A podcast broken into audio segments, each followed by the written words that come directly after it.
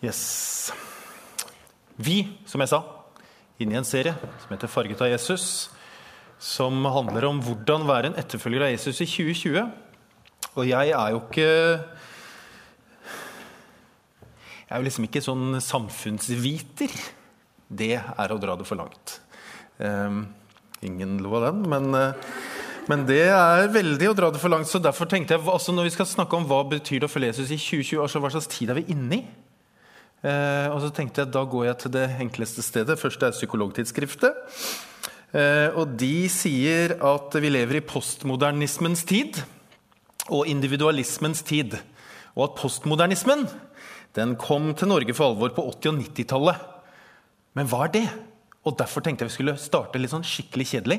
Og skal vi se hva Wikipedia sier om begrepet postmodernisme, for det er ganske sånn ålreit. De sier altså det. Begrepet postmodernisme, altså etter modernismen, brukes ofte om en ideologi som er kritisk til modernitetens ideologier. F.eks. troen på fremskrittet, på at ett livssyn er riktigere enn andre livssyn, og på kjernefamilien, demokratiet og andre institusjoner som er blitt selvfølgelige under moderniteten. De postmoderne de jakter ikke på sin egen identitet, men spiller ulike roller i ulike situasjoner. De melder seg ikke inn i livssynssamfunn, men plukker religiøse og ideologiske tanker fra mange kilder uten å bry seg om hvorvidt de passer, sammen, passer logisk sammen. I mange lærebøker fremstilles gjerne postmoderniteten negativt. Bl.a. fordi den synes å innebære en relativistisk holdning. Alt er relativt. Alt kan være like riktig. Det er ikke så nøye hva du tror, bare det fungerer for deg. Det er postmodernismen. Og så er det da individualismen. Det er da en, etisk, politisk og sosial filosofi som vektlegger individuell frihet. Sentralt står troen på at hensynet til individets frihet er viktigere enn hensynet til fellesskapet, samt verdier som individuell integritet, selvstendighet, selvrådighet, autonomi, personlig uavhengighet og ideen om det myndige mennesket. Individualismen representerer en opposisjon til autoritet og alle former for kontroll over den enkelte, og særlig den som blir utøvd av staten, altså fellesskapet eller samfunnet. Individualismen er således en filosofi som står i direkte motsetning til kollektivismen. Er ikke det spennende? Det er det. Det er det. Fordi de preger jo samfunnet vårt. Og de preger også om kirke. Eh, om mulig, liksom, i større og større grad. Og det er jo mange konsekvenser av det. Av, postmodernismen og individualismen, bl.a. disse spørsmålene her. Altså, hva får jeg igjen for dette? Det er jo veldig vanlig å spørre om, eller få et svar tilbake når man spør liksom, kan du tenke deg, ja, hva får jeg igjen for det. Eh, og så kan man tenke hvordan passer jeg inn i dette? Eller hvor passer jeg inn? Helt vanlig spørsmål som vi ofte tenker. Og så har jeg tenkt at det sies ikke veldig ofte, men i kirker så kan jeg høre dette spørsmålet mellom linjene. Altså, Hvordan kan jeg realisere nådegaven, eventuelt E, nådegavene, som Gud har gitt meg? Fordi menighetsfellesskap, eller kirken, det må jo selvfølgelig være et sted hvor jeg utvikler meg, og hvor jeg får tjent med mine gaver, og hvor jeg og mine behov står i sentrum. Mine gaver, mine interesser, mine behov, min åndelighet Min stil og smak, kanskje. Mine sanger. Og hvis det passer ikke for meg, nei, da går jeg et annet sted. Og nå er jeg jo veldig fint nå under koronatiden, for da kan man jo bare være hjemme. Og hvis man da surfer og ser på ulike gudstjenester, så kan man jo finne den gudstjenesten som har den stilen, som passer meg. Kjempekjekt. Da får jeg det slik jeg vil. Og utfordringen for oss som kirke, og for meg som pastor og, og for, for, alle de som er ledere her, det er jo det at jeg tar jo med meg den individualistiske eh, tenkemåten og postmodernismen inn i menighetsdriften. Og det som skjer da Vet du hva som skjer da? Det er det at jeg, jeg begynner å tenke på samme måte. Og Hvis man sier det veldig pent, da, så kaller man det en pragmatisk, mekanisk tilnærming til deltagelse og nådegavebruk i kirken. Og Da er det sånn at vi har et behov, og så skanner vi menigheten etter å se om det behovet kan dekkes hos noen, og så finner vi akkurat deg til å dekke det. Eller jeg har en oppgave som må gjøres eller utføres, og så skanner jeg, og så finner jeg da de som passer inn. Og Da betyr det at din nytte og din bruksverdi den eh, kommer høyest i fokus. Og så spør vi hvordan kan du passe inn hos oss. Og Det er jo ikke noe gærent i det spørsmålet. Men det er, det er liksom holdningen eller tanken bak som, som jeg tenker på. Fordi vi sier det jo ikke. Altså Vi sier jo ikke at det er sånn vi tenker. Og vi tenker ikke at det er sånn vi tenker heller. Og vi tror i hvert fall ikke at det er det vi gjør. Fordi hvis vi hadde trodd at det var sånn vi hadde gjort det, så tror jeg ikke vi hadde gjort det. Faktisk. Vet du hva, Magnus Malm han har skrevet noen bøker. Han har skrevet en som heter 'Som om Gud ikke finnes'. Og der sier han Han skriver om sekularisering, som er liksom avkristning av samfunnet. Og da sier han at sekulariseringen den skjer ikke ute i samfunnet. Den skjer inne i våre kirker og ut. Så det jeg har tenkt da, de neste minuttene, er å si noe om dette. Og da er det fint å ha liksom det med postmoderniteten og individualismen liksom i bak. Og så er det fare for jeg hører det, at det kan bli litt tungt. Men det er jo seint på kvelden, så hvis du kjenner at du må lukke øynene, så er det greit, for det er kveld. Det er. Og så har jeg, tenkt, jeg har skrevet at det skrangler i knuste glass før jeg nesten har begynt. Ja. Men du vet, disiplene de var, det var fremgang og bra greier. Det var oppgangstid for dem. De hadde faktisk slått Serbia og skåret på de målsjansene de ikke hadde. Og Det gikk skikkelig bra.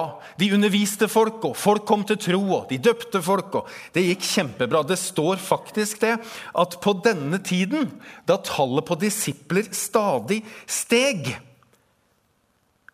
så kommer dette.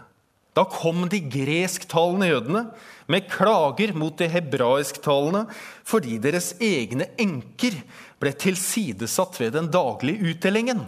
Altså, det var matutdeling. Da kalte de tolv sammen alle disiplene og sa Tenk hva de sa. Altså, hva er det liksom med disse gresktalende jødene? Altså, Skjønner ikke hva som er viktig. De klager på alle ting. De finner, får jo ikke til. Jeg lurer på om de tenkte sånn kan ikke bare plante en menighet et annet sted? da? Eller liksom i lia her, så slipper vi liksom å bry oss. Men det blir så mye greier. Vet du hva de sa? De, de sa det ville vært galt om vi forsømte Guds ord for å gjøre tjeneste ved bordene. Disiplene de hadde én oppgave. De skulle forkynne Guds ord. De hadde syv dager i uka, 24 timer i døgnet, og så skulle de sove litt og spise litt og gjøre andre ting. Men det var det de gjorde. De forkynte, og de de forkynte Guds ord. Og så gjør de nå et valg som ledere av kristne kirker har eh, sett på siden. Fordi de former kirkens syn på det som vi kaller på diakoni. Fordi de innsetter diakoner i menigheten. Så står det Velg nå ut blant dere brødre sju menn som har godt ord på seg og er fylt av ånd og visdom. Dem vil vi sette til denne oppgaven altså til å dele ut mat til enkene. Og syv menn de skulle ha godt ord på seg, og så skulle de være fylt av ånd og visdom. De spurte ikke finne, altså Vi har nå et kjempeproblem fordi det er to grupper i, i menigheten som liksom de, de, er litt sånn kriger mot hverandre. Så nå trenger vi noen som kan gå inn og bare gjøre en oppgave. Det er ikke så viktig hva den oppgaven er, men vi trenger bare noen duere liksom, som går inn og gjør de oppgavene. De sa ikke det. Kunne du tenke deg å ja, Du har ikke liksom en time til overs en gang i uka. Det er ikke mye som skal til. vet du. Det er ikke mye du trenger å bidra med egentlig. Egentlig er det nesten ingenting. Det er akkurat som å bli valgt inn i et styre eller SFO. vet du. Det er ingenting, det er ingen jobb i det hele tatt. Men, men du kunne ikke tenke, de spurte ikke om det. Jeg tror de tenkte vi trenger de beste gutta vi har. De som er, har godt ord på seg, og som er fylt av Guds ånd og fylt av visdom. Vi trenger de som er gira. Vi trenger ikke de som er sånn slappe, vi trenger de som er gira. De som har lyst til å bidra. Og så hva skal vi gjøre? Jo, vi skal vie oss til bønnen og tjeneste med ordet. Ikke fordi det er viktigere, men fordi det er vår tjeneste. Har du noen gang tatt en sånn personlighetstest? Jeg har tatt mange, tok en for ikke så lenge siden. Er det noen som har tatt det? Det er veldig, veldig, veldig, veldig, veldig spennende. For det jeg finner ut gjennom en sånn personlighetstest, er jo det at Og hold deg fast, jeg kan ikke alle ting. Det er ikke alle ting jeg liker, snarere tvert imot. Det er veldig mange ting jeg ikke er god til. Og sånn var det også med de første kristne. Det er ting som kommer lettere for noen enn noen andre. Og de fikk de gira folka som hadde lyst til å dele ut mat, for de hadde godt ord på seg, og så var de fylt av ånd og visdom. Og da står det Det er jo litt sånn selvsagt, men dette forslaget ble tatt godt imot av hele forsamlingen. De klappa, vet du. Og de valgte Stefanus, en mann fylt av tro og hellig ånd, og Philip Prokoros, Nikanor, Timon, Parmenes, Parmenas og Nikolaus, en proselytt fra Antiokia. Disse ble ført fram for apostlene, som ba og la hendene på dem. De ble sendt ut, de ble velsignet løfta opp for Gud, både de og tjenesteoppdraget. Og så har jeg tenkt på det, at jeg håper en ting. Og jeg er jammen ikke sikker på om det er sånn, men det er en ting jeg håper. Um, og det er for alle tjenesteområdene i vår kirke. At i forkant av hver semesterstart så samles vi, og så legger vi hendene på hverandre. Og så ber vi for hverandre og den oppgaven vi skal inn i. At det blir en sånn heiakultur, en sånn velsigne hverandre-kultur. Tenk hvor flott det hadde vært. da. Det hadde vært kjempefint. Og så tenker jeg kanskje noe av det viktigste vi gjør i denne tiden her, både i smågruppene våre, ikke minst, men også i de småfellesskapene, er at når vi er sammen hjemme hos hverandre, så ber vi for hverandre. Kanskje med avstand og ikke legge hånden på, men det må du finne ut hva som passer best for deg. Men at vi ber for hverandre, heier på hverandre og velsigner hverandre. Det tror jeg på. Og hva skjedde? Jo, Guds ord nådde stadig flere, og tallet på disipler i Jerusalem økte, økte sterkt. Også en stor flokk av prestene ble lydige mot troen. Tenk på det. Jeg tror at noe av det valget som disiplene gjorde i denne tiden, som var helt uvant Vi tenker at dette er jo helt selvsagt, men det var veldig, veldig nytt. Det handler om å ikke tviholde på noe, tviholde på en tjeneste. Det handler om å ikke få noen til å slutte i menigheten. Det er jo ofte lettest. Bare si 'finn deg et annet sted å være', ikke vær her hos oss. Eh, og så handler det om å ikke baksnakke eller snakke ned andre områder, men å ta det som skjer, på alvor. At vi er litt sånn kjappe til å snu oss, heie på, velsigne og sende ut. Og så har jeg tenkt på Hvorfor gjorde de dette? Eller hva var det de hadde forstått som gjorde at ja, dette kom ganske lett for dem? At når det skjedde et problem, da, da samla de disiplene og så snakka de, de, om hva gjør vi nå Hvorfor, Hvorfor skjedde det? Hva var det de hadde forstått om det å være kirke? Som jeg av og til strever med å forstå. Eller hva innebærer det å være kirke? Og jeg skal snakke om tre ord. Det er identitet, det er tilhørighet, og det er deltakelse. Eller deltakelse. Jeg syns det er mye finere å si deltakelse. For det er ingen andre som sier det. For to uker siden så snakka vi om identitet. Vi snakka om hva, hva betyr, betyr å følge etter Jesus. At det er knytta til Jesus som person som sier 'følg meg'. Jeg sa at en disippel er sterkt personbundet til Jesus, er sammen med Jesus hver dag, blir stadig mer lik Jesus og gjør Jesu interesser i verden til sine interesser. At det er et type ideal. Eh, fordi Jesus han blir herre i våre liv. Han blir mester. Han blir han som vi ønsker å følge etter. Og gjennom at vi gjør det, så får vi en ny identitet. Og For Paulus så handler det ikke bare om en sånn overfladisk identitet. Han er ganske tydelig, for han sier at den som er i Kristus, er en ny skapning. Altså Det har skjedd en fødsel her. Det gamle er borte. Det nye er blitt til. Det er ikke bare en sånn overfladisk greie å tenke Oi, så fint å få lese det jeg har lyst til å gjøre. Men det skjer noe grunnleggende nytt ved at vi blir født på ny. At livet handler da ikke lenger om oss på førsteplass lenger, men det handler om han, og så handler det om andre. Og så skriver han et brev til en menighet i Galatia, og da skriver han mye rundt dette. Og så er det liksom For å understreke det litt sånn ordentlig, hva det handler om, så sier han for det som betyr noe, gutter det var jo først og fremst til gutter han skrev. er ikke å være omskåret eller uomskåret, men å være en ny skapning. Altså, Det handler ikke om disse ytre reglene, det handler ikke om alle disse budene og lovene, men det handler om å være en ny skapning. Det skjer noe på innsiden som vi nesten ikke klarer å forklare hva er. Og Derfor kaller vi det for et mysterium. Du vet, Når vi døper voksne eller unge mennesker i dåpsbassenget her, så, det, så døper vi dem med full neddykkelse. Og da sier vi at vi begraver dem i Kristus. Holder dem ned til det slutter å boble. Og så reiser vi dem opp igjen til et nytt liv i troen. Vi reiser dem opp til et nytt liv. Altså Det skjer noe gjennom både tro og dåp som er et mysterium. Så er det dette med ny tilhørighet. Peter, han som eh, fornekta Jesus, han skrev noen brev, og han, han skrev dette. Men dere, altså vi som tror, dere er en utvalgt slekt et kongelig presteskap, et hellig folk, et folk som Gud har vunnet, for at dere skal forkynne Hans storverk, Han som kalte dere fra mørket og inn i sitt underfulle lys. Dere som før ikke var ett folk, er nå Guds folk. Dere som før ikke fant barmhjertighet, har nå funnet barmhjertighet. Han trekker det liksom enda lenger.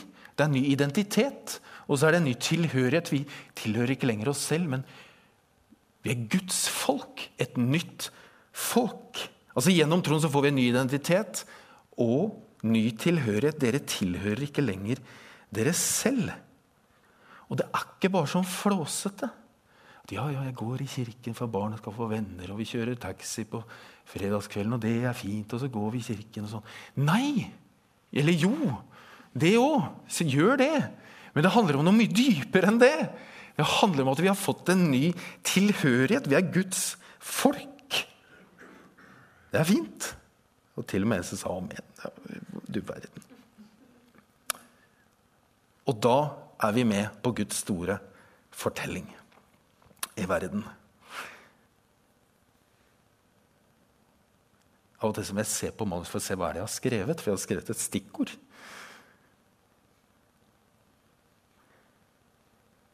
Ja.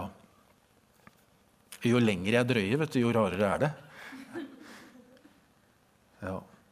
Men jeg, jeg har skrevet Jeg skriver, leser det. Det handler ikke bare om deg og ditt, men det handler om et fellesskap som du er kjøpt inn i. Altså prisen er betalt. Og gaven er menigheten. Hipp hurra. Det er jo ikke like enkelt, det. For vet du hva som er i menigheten? Der er det folk. Og der det er folk, der er det vanskeligheter. Da blir det trøbbel.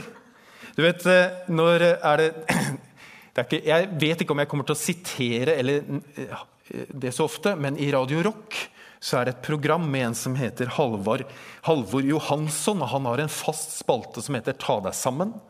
Og så spør de hvem er det som skal få sitt pass påskrevet denne uka her. Halvor? Jo, det er folk.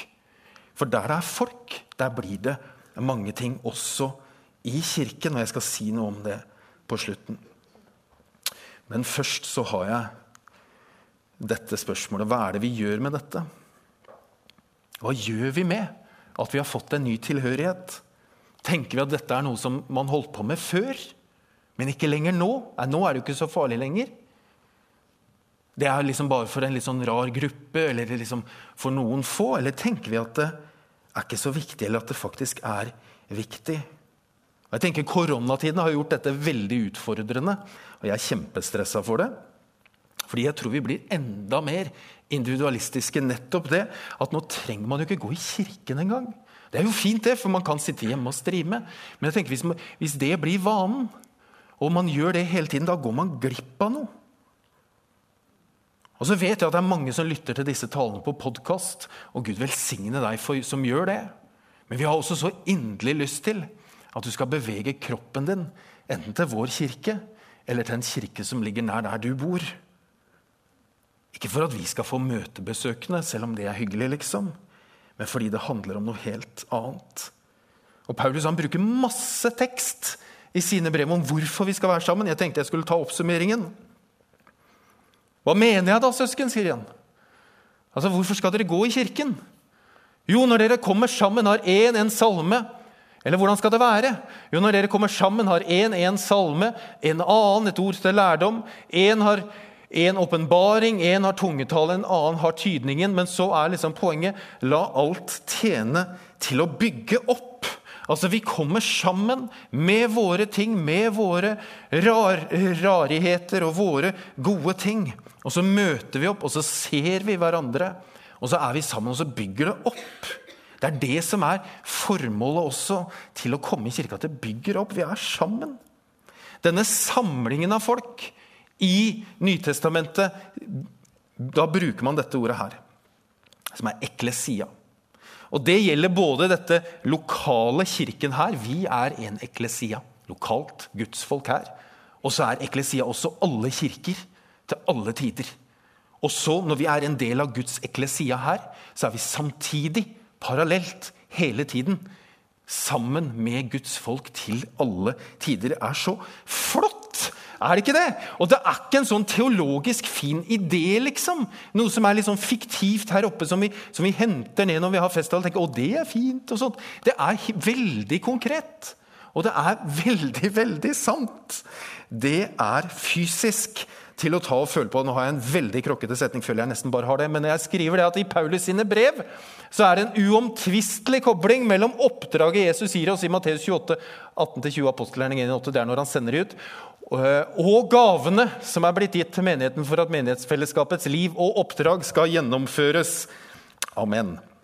Det leder oss over til siste punkt. Altså Det er en kobling her mellom oppdraget Jesus gir, og at du er her med dine gaver, dine talenter, for å tjene, for å fylle det oppdraget. Siste punkt ny deltakelse. Og da har jeg tenkt at Vanligvis så tenker vi at dersom vi er deltakere, så er vi at Vanligvis tenker vi at vi er deltakere dersom vi velger aktivt å aktivisere oss selv innenfor en type aktivitet. Jeg har tenkt at kan du si at du er deltaker på et fotballag hvis du aldri spiller fotball? Eller aldri er på laget? Jeg har noen venner som er speidere i Gjerpen. Jeg kan jo ikke si at jeg er speider i Gjerpen, jeg. Jeg er jo aldri der. Det går jo ikke an. Er vi enige om det? Det er vanskelig. Det blir komplisert. Forrige uke så var det kritikk mot en politiker som ikke var på politisk møter, og han mente ikke at han kunne tilhøre det. For han var jo aldri med. Men i kirken er du ikke deltaker bare når du er aktiv deltaker. Du er deltaker. Punktum. Om du er aktiv eller ei. Hvorfor det? Det er jo fordi du har fått denne identiteten i Jesus tilhørighet i Guds familie, Guds folk, Guds eklesia. Og derfor er du deltaker. Punktum. Egentlig om du vil eller ei. Den måten Paulus beskriver det på, for at vi liksom skal forstå dette For liksom, det går jo litt sånn Du er deltaker selv om du ikke er deltaker og aktiv deltaker. Også. Det går jo litt sånn surr. Han sier dere er Kristi kropp. Jesus er hodet. Dere er Kristi kropp hver av dere et lem på ham. Når du tar imot Jesus som frelser, så blir du et lem på ham. Da sitter du fast. Du er en del av hans kropp. Du kan jo velge om du vil bevege armen eller ikke. Men at du er en deltaker rett og slett fordi du har kobla på Jesu kropp, det er du. Så er spørsmålet hva bruker vi den til? Det er noe annet. Ja.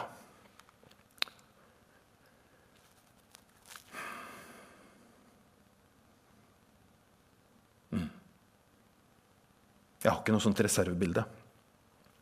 Så det får bare stå. Jeg hopper over det. Men jeg hører stadig Jeg sa noe om det med folk og menighet, og da blir det mye greier. Men jeg hører jo stadig om folk enten her eller i andre kirker, og så kommer de hit. Jeg hører ikke så ofte om de som er her, for de forsvinner bare ofte. Men da kan man høre historier som at vi ikke holder mål. Vi passer ikke inn. Ble ikke inkludert. Får høre at vi gjør ikke nok. Og så trekker vi oss sånn gradvis og gradvis tilbake fra menighetsfellesskapet, så blir vi borte. Ofte pga. sår fra hva folk har sagt, eller hva folk ikke har sagt. Så er det en tanke om at hvis vi har en, veldig sånn, en, en menighetskultur som er veldig veldig prega av aktivitet å gjøre og skulle og, og være med på, at det blir det viktigste foran relasjoner og det å være sammen med folk, så kan det være en årsak. En som heter Anne Lise Shibby hun har skrevet en lett bok. Den heter 'Relasjoner'. Et dialektisk perspektiv på eksistensiell og psykodynamisk psykoterapi. Den freser du gjennom du, på en halvtime. Den er fin. Men hun sier noe veldig fint i den boka. Hun sier at, om at hennes relasjonsforståelse bygger på en grunnleggende tanke. Nemlig at det er i forholdet til den andre at jeg blir et selv. At min avhengighet av den andre muliggjør min selvstendighet. Og i individualismen og postmodernismen, hvor vi er liksom oss selv nok og skal finne vår plass, sånn, så lurer jeg på Betyr det da at ut ifra det at selvrealiseringen vår den skjer ikke i et sånt rom hvor vi bare er oss selv, men den skjer i relasjon med andre mennesker. Og så snakker hun om et anerkjennende rom i den boka der. Et rom hvor det er mye anerkjennende anerkjennelse. Og så har jeg lurt på hvordan ser det ut. Jeg tror det beste bildet er at det er high five. Altså. Vi bygger hverandre opp. Det Paulus skriver om når vi skal være sammen.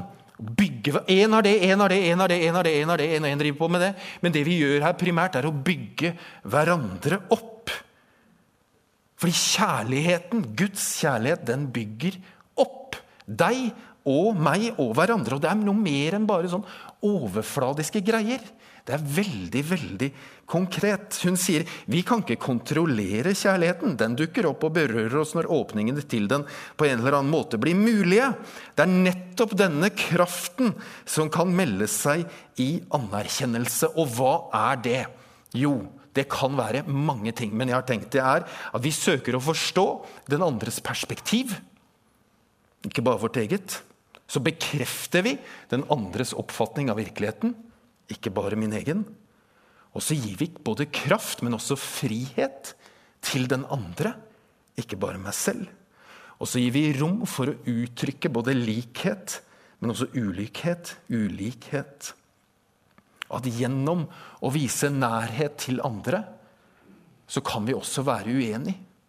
Og det er greit. Jeg har prøvd å lage en veldig komplisert figur. Hvor jeg har tenkt liksom, Det er ikke jeg som har laga han heller. En som heter Lars Rommundal. Han lyver òg, vet du. Har du hørt? Det er en som heter Lars Rommundal. Og han skrev hvordan kan dette, hvordan, altså hvordan, Hva er motsetningen mellom hvis du har fravær av anerkjennelse, hvis det liksom preger kulturen Vi driver ikke og anerkjenner hverandre, vi og en annen kultur hvor det har vi som verdi. faktisk. Vi ønsker å anerkjenne hverandre. Hvordan ser det ut i forhold til disse punktene? her? I forhold til å lytte til hverandre. Hvis du har en kultur hvor dette ikke er gjeldende, ja, da blir vi veldig ensomme. Og så blir vi misforstått hele tiden. Hva skjer med forståelsen vår av hva som skjer, enten med oss eller rundt oss? Jo, vi mangler, for det første, vi mangler empati, og vi blir utrolig selvopptatte, alle sammen. Og det med å akseptere hverandre for den, liksom den vi er Hvis vi ikke har anerkjennelse rundt det, da, blir dette utenforskapet, og så isolerer vi oss. Da gidder vi ikke komme. Vi blir jo ikke akseptert for den jeg er. Da blir jeg hjemme. Kan ikke gå her. Og toleranse. Hva skjer hvis vi ikke har det? Jo, da blir vi selvfordømmende overfor andre og selv, og så blir det hat. Jeg har nesten ikke lyst til å si det, men det ganske, for mange er det veldig krevende å være i, i kirker. Og Det er noen som har så dype sår som gjør at det utvikler seg til hat, og som gjør at man aldri i livet setter beina i en kirke igjen. Fordi det skjedde så mye greier. Fordi man mangla dette. Og så er det siste på bekreftelse på å bekrefte hverandre. Hvis man ikke bekrefter og, sier, og liksom bekrefter andre, da blir man usikker. da. og frustrert. Kjenner det kjempegodt. Hvordan syns du var eh, når jeg talte? Jeg synes det var skikk... Og du liksom ikke får høre noen ting. Da blir man usikker. da. Kjempedårlig eksempel. Men ja, Han blir frustrert. Men hvis det er det motsatte, da, hvis vi har anerkjennelse av hverandre som en verdi, hva skjer da? Jo, da er vi åpne. Vi lytter.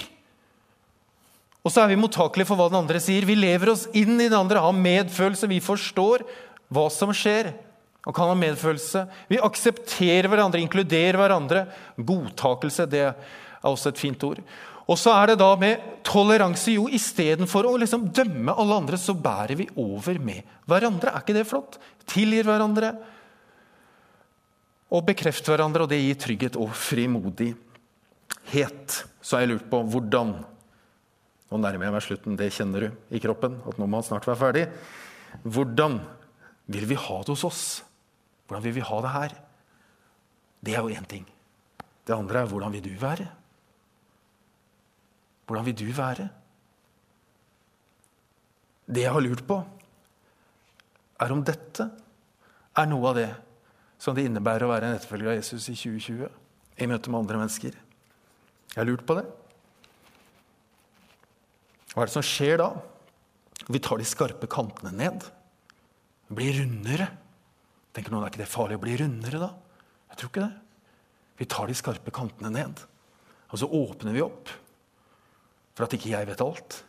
Vi kan være nysgjerrig og leve oss inn. Jeg tror dere skjønner hva jeg mener. Ja mm. Oppsummert du har fått en ny identitet. Det har du. Du har fått en ny tilhørighet til eklesia. Til alle tider. Det er bra. Og så har du fått mulighet til å delta på en helt ny måte. Og så tenker jeg, Hvis du har det som trygg identitet i bunnen i livet ditt, i troslivet ditt, så er dette null stress. Hvis du er utrygg på det andre, da er det kjempestress. Fordi da blir du så veldig usikker. Ja, men hva gjør jeg da når de sier sånn? Hva gjør jeg da med det? Men hvis du er trygg på identiteten din, trygg på troen din, sitter trygt i et fellesskap og en smågruppe er med i tjeneste og bidrar, og du er liksom trygt planta i en lokal kirke, da er det mye, mye lettere å være åpent for annerledestenkende. Så derfor har jeg en hjemmeoppgave. Det er fint for neste uke. Det er to enkle spørsmål, tror jeg kanskje. Hva kan jeg i uken som ligger foran, gjøre for å få en dypere identitet, tilhørighet og deltakelse i eklesia? Hva kan jeg i uken som ligger foran, gjøre for å få en dypere identitet, tilhørighet og deltakelse i eklesia? Det vil jeg at du skal gruble over og tenke på. Det kommer til å stå på det oppfølgingsarket også. Hva kan jeg gjøre? Kanskje noen ting. Eller tenker nei, det er vanskelig. Og Det er derfor vi gjerne vil at du skal være i en smågruppe og snakke med noen, eller at du snakker med noen andre. Som du har til, hvor du kan gruble sammen om dette. Hva kan jeg gjøre da? For å få denne tryggheten i identiteten, tilhørigheten og deltakelsen. Det andre spørsmålet trenger, hvem trenger jeg i uken som ligger foran å møte med anerkjennelse? Jeg vet hvert Når jeg leser det spørsmålet selv, så tenker jeg på noen som jeg tenker at de bør jeg møte på en annen måte neste uke enn det jeg har gjort før. Hva skal jeg da gjøre? Skal vi reise oss, og så skal vi be sammen, og så skal vi synge et par sanger.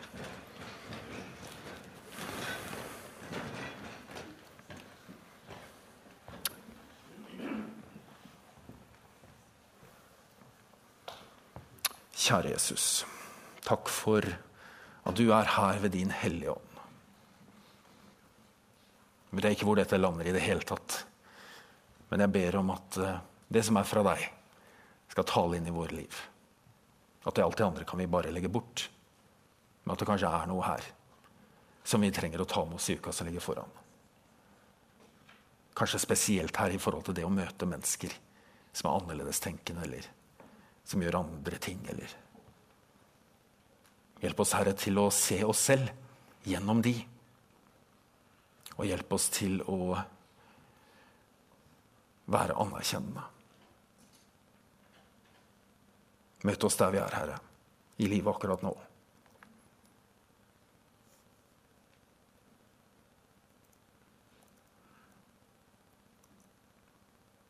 Du ser, Herre, at det er noen måneder igjen av høsten. Og vi ønsker å bli farget av deg. Vi ønsker å bruke denne tiden til å komme dypere i etterfølgelsen og disippelskapet. Så hjelp oss til å finne rom i livet vårt hvor vi kan eh, være sammen med deg. Og hjelp oss til å finne noen folk som vi kan gå denne veien sammen med. Takk, Herre, for at du bare er god. Takk for at det ikke er noe krav men at det er en mulighet til å være kobla på deg. som er alt livet, som livet handler om. Takk for at du møter oss med en nådig, stor favn hver eneste morgen. Og så inviterer du oss inn til en relasjon og til et liv med deg. Det priser vi deg for, Herre.